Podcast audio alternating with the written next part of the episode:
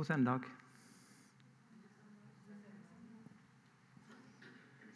Vi har fått en tekst fra Lukas kapittel 12 som begynner med et spørsmål. Du skal få spørsmålet først. Da spurte Peter, 'Herre, er det oss du sikter til med denne likninga, eller gjelder hun for alle?' Så da må vi nesten finne ut hva det han mener, hva han spør om.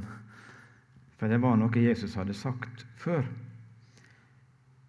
Så da leser vi det først, og det er fra Lukas 12, fra vers 35. Og Det er et avsnitt, en samtale, der Jesus minner om at han skal komme igjen. Spenn beltet om livet og la lampene brenne. Vær lik tjenere som venter Herren sin heim fra bryllupsfest og står ferdige til å åpne så snart han kommer og banker på. Lykkelige er de tjenerne som Herren finner våkne når han kommer. Sannelig, jeg sier dykk, han skal binde opp kjortelen, føre deg til bords og sjøl gå fram og tjene deg. Ja, lykkelige er de som han finner vakne, sjøl om han ikke kommer før i andre eller tredje nattevakta. Og så forteller han ei anna likning, sammenlikning, som er litt annerledes. Men det skal de vite. Dersom husherren visste hva time tyven kom, ville han ikke la han bryte seg inn i huset, så vær forberedt det òg, for menneskesonen kjem i en time det ikke venter det. Kjære Jesus, vi ber over ordet ditt, og ber at du må åpne det for oss, vi som nå hører. Amen.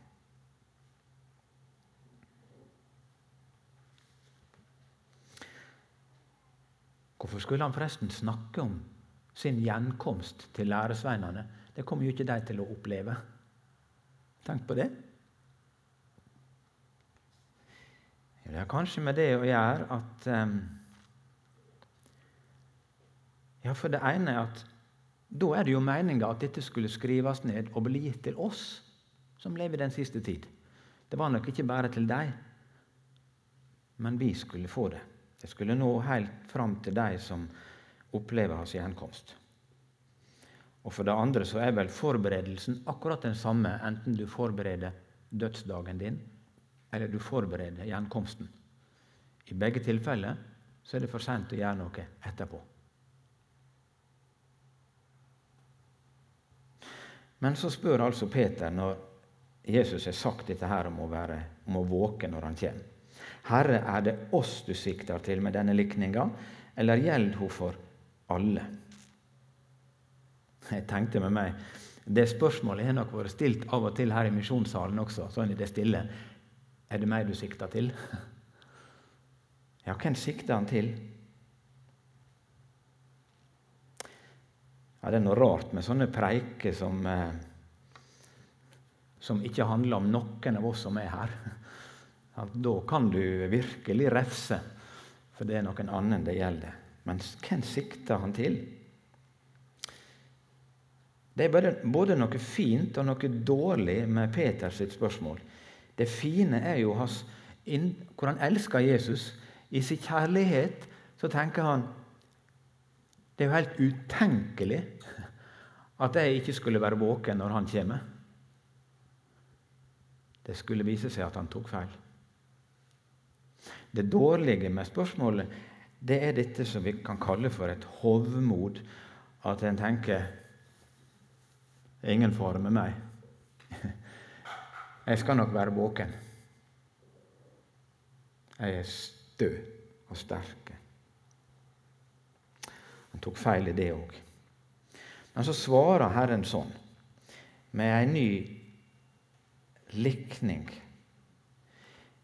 Hvem er den trufaste og kloke husholderen, den som Herren set over tjenestefolket sitt, så han skal gi deg mat i rette tid. Lykkelig er den tjeneren som Herren finner i arbeid med dette når han kommer tilbake. Sannelig, jeg sier dere, Herren skal sette han over alt det han eier. Og så skifter det. Dette var jo det glade, positive om å vente.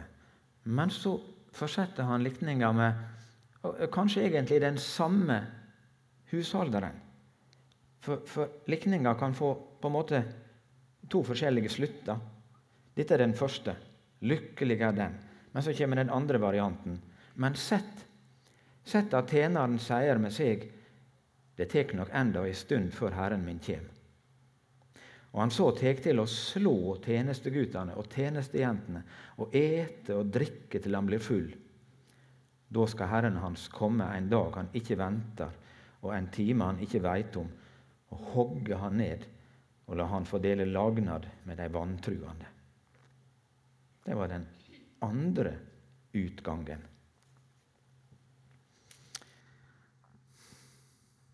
Det er en vekkende tekst. Det vekkende ordet fra Jesus om hans gjenkomst. Her er noe i teksten som stikker i det han sier.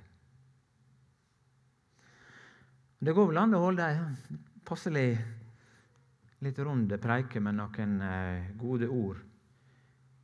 Men jeg syns ikke vi kan gå utenom eh, dette som stikker, som advarer i Jesus sine ord.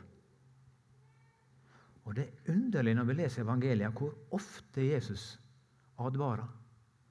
Og Det er jo han som veit alvoret og hva som kommer, og som derfor advarer oss så sterkt. Ja, hva da? Jau, en trufast og klok husholder kan komme til å svikte sin herre å falle i synd og umoral. Det kan skje. Eller en stødig kristen med ansvar og tillit kan forlate sin første kjærleik og falle i synd og umoral. Det ser ut sånn når han gir denne likninga to forskjellige utganger. Begge ting kan skje. Eller Nei, det har vel aldri skjedd. Eller Det kan vel aldri skje med noen her. Eller Det fins vel ingen eksempel i Bibelen på at det har skjedd. Det er samme svar på alle tre spørsmålene. Det har skjedd. Det kan skje her. Det er et tydelig eksempel i Bibelen på at det kan skje. Det er jo veldig sterke ord Jesus bruker når han sier han slo tjenesteguttene og tjenestejentene og åt og drakk til han ble full. Eh, kan nok hende det var eh, en, en, måte i, i, fortellerstilen som var vanlig, at en, at en sa ting sånn. Men det er likevel en advarsel om at det kan skje. Det virker fjernt Eh, for oss med en fortelling med så voldsomme ting. Men likevel Det å ha et kjent navn, kanskje riktig etternavn, i forsamlinga Det å ha tillit, det å ha omdømme, offentlig kjent her hos oss. Og likevel, når du er utenfor radaren, er vrang og gjør livet surt for andre. Og samtidig være kjent som en god kristen. En forvalter, en husholder. Er det mulig? Jeg tror det er noe av det her. Handlinger og ord som andre her ikke veit så mye om. Men som noen har kjent på kroppen flere ganger. Et liv som er dobbelt. Hvem sikta Jesus til? spør Peter. Det spør vi òg. Hvem sikta Jesus til? Er det deg?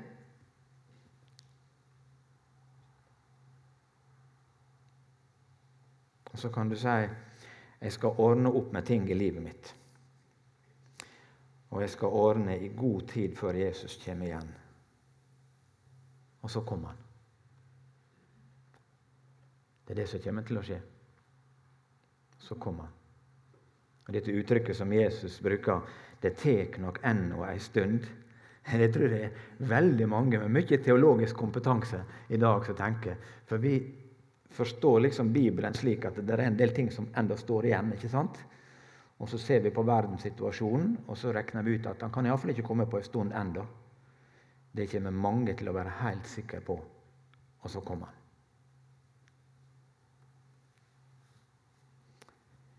Da skal Herren hans komme en dag han ikke venter, og en time han ikke veit om.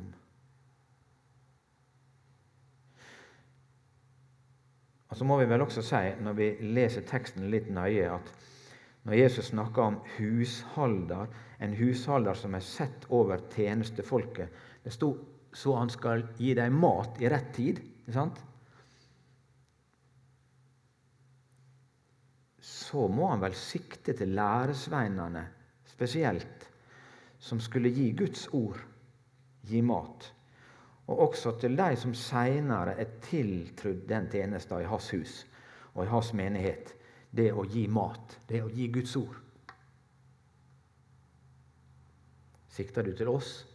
Ja, det gjør han. Det gjør han.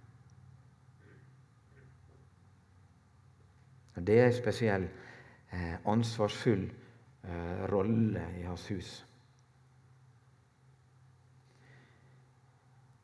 Det herlige og evangeliske i teksten er det at han snakker flere ganger om den lykka som det er å tjene.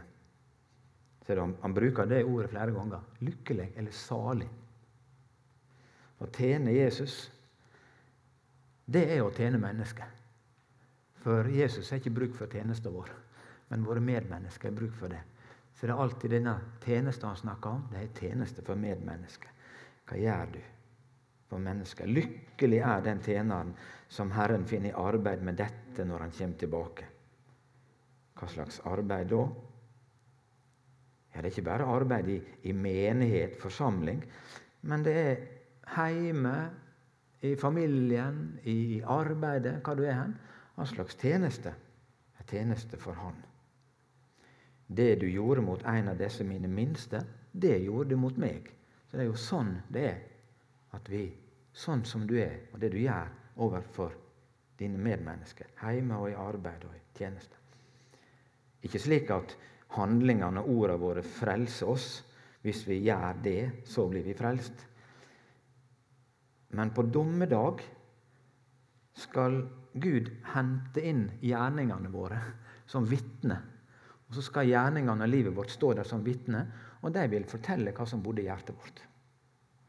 Så livet vårt det forteller hva som er der. Så snakker Gud om livet vårt, om Jesus om gjerningene våre.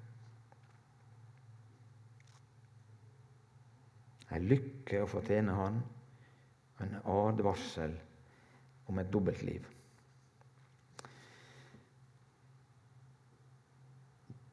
Jeg har ikke lest hele teksten.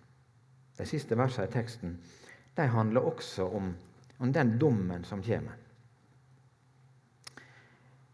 Den tjeneren som veit hva Herren hans vil, og likevel ikke steller i stand eller gjør det Herren vil, han skal få mange slag. Men den som ikke veit det, og gjør det som fortjener slag, han skal slippe med færre. Den som mykje har fått, av han blir det venta mykje. Og den som mykje er tiltrudd, av han skal det krevast dess er. Hvem sikter du til? Kan vi spørre igjen. Til læresveinene? Ja, til læresveinene først. For de har fått tiltrudd. De har fått mye. Det er et stort ansvar for de som hadde fått så mye. De visste hva Herren ville, men det vet vi òg. Det har vi også fått vite, hva Han vil. Så vi kommer på en måte i samme klasse som disse læresvennene som sitter og hører på noe der. For den som har fått mye, av han blir det venta mye. Og vi har fått evangeliet. Kjenner Guds ord. av Guds lov. Og Helt sikkert må noen av oss legge det enda mer på hjertet fordi at å være til og med tiltrudd ei tjeneste med å gi mat eller forkynne Guds ord, av den skal det kreves dess mer.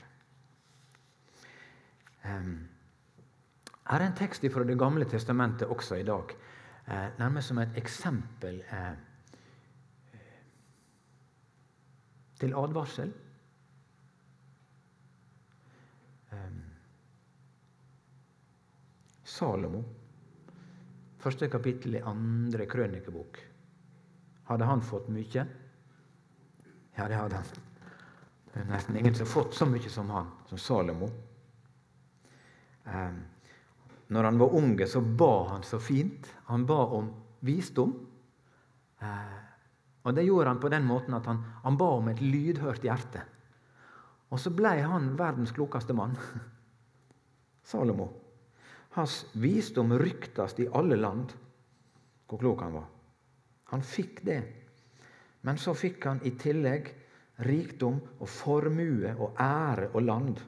Mer enn noen har fått. Og ikke bare det. Han hadde jo fått så mye, han, at, at det er jo spor av han i flere av bøkene i Bibelen. Han har jo gitt oss Guds ord, enda til i Bibelen, denne mannen der. Han har fått mye.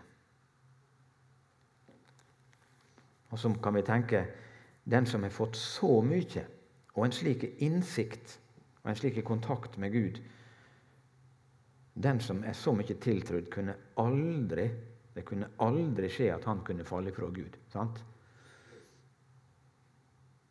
Og så viser Guds ord oss at det skjedde. Det at en overser varsla fra Den hellige ande i livet sitt. Han minner det igjen og igjen. Peker på noe. Men det blir oversett og oversett, og, og, og, og så fortsetter en. Slik gjorde Salomo. Gang på gang. Det er jo som å synde mot Den hellige ande. Først var det vel et dobbelt liv, og så var det ikke lenger liv. Sånn gikk det med Salomo. Hvem er det du sikter til, Jesus? Er det noen av oss? Den som har fått mye.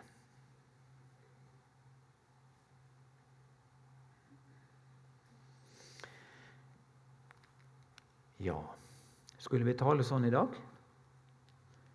Jeg tror at vi skal lese teksten sånn. Men en, en ting til. Hva med de som har fått lite? Han sier jo faktisk det. Den som ikke veit hva Herren hans vil, og gjør det som fortjener slag, han skal slippe med færre.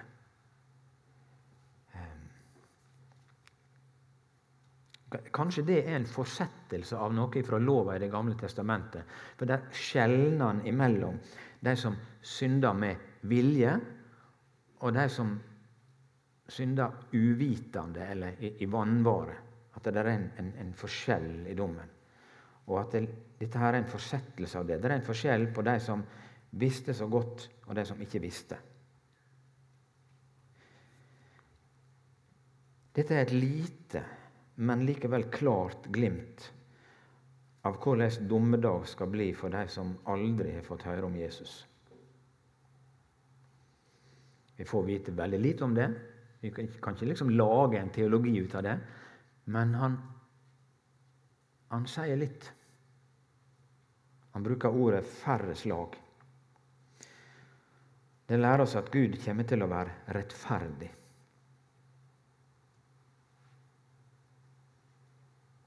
Jesus vil vi skal vite akkurat så mye om det. Men hvis vi lager oss en teologi der vi avlyser dommen så har vi ikke det fra Jesus. Jesus advarer veldig ofte og tydelig mot det. At det er to utganger av livet. At det er noe å, å bli Det er mulighet for å bli frelst og fly ifra noe som, som er dum. Det er noe i Romerbrevet som ligner litt på dette. her. Romerbrevet 2, vers 12, så står det at alle som synder uten lova, altså ikke hadde kjennskap til Guds ord, alle som synder uten lova, skal gå fortapt uten lova. Og alle som synder under lova, skal dømmes etter lova. Nå forstår vi at, at det er et ekstra ansvar å kjenne Guds vilje. Men det ordet 'fortapt' kan ikke vi avlyse. Selv om det etter hvert er et lite mindretall som tør å, å si det. Men Jesus sier det.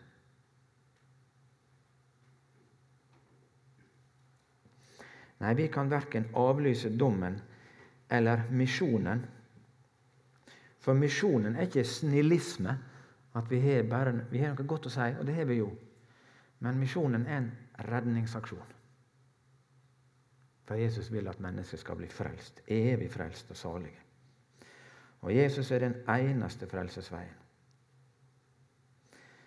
Derfor så er egentlig ordet om å vende om i Bibelen et herlig ord. For det er en plass å vende seg for syndere. Si det som er sant, og springe opp i hans fang. Det er fantastisk at det er en plass å vende seg, komme til for syndere. Derfor så varsler han. Tenk for ei lykke det er å ha hørt om Han. Det er evangeliet i denne teksten. Muligheter til å tro på Han. Ikke bare å ha hørt om Han, men enda mer at jeg kan få lov å følge henne. At jeg kan ha Han som venn, at jeg kan ha Han som bror, at jeg kan ha Han som frelser. Og en god Herre å tjene. For ei lykke på denne jord. Og tjenesta for Jesus den har jo et motstykke. Motstykket til at jeg tjener Jesus, det er at han har tjent meg. Med alt han har, så har han tjent og tjener meg i dag også. Da er det vel ikke unaturlig at jeg vil bruke livet mitt til å tjene han. Det er bare et svar på hans kjærlighet. Tre ganger i teksten, iallfall sånn som det står i Bibel 2011, så har vi lest ordet 'lykkelig'. Hvem er det som er lykkelig? Det er de som er i tjeneste for Han, og våkne når Han kommer. Derfor så sier han sånne ord, for han vil vi skal våkne opp. Snakke sant om livet vårt og komme til Han. Og så ser det jo ut til at det å ha ei tjeneste for Jesus, det holder oss våkne.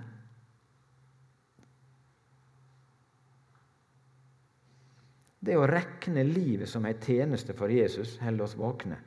Og Det gjelder altså ikke bare en eller annen oppgave her i ei menighet, men det gjelder tjeneste i yrke og i familie. At du tenker livet ditt som en tjeneste for Gud der du er.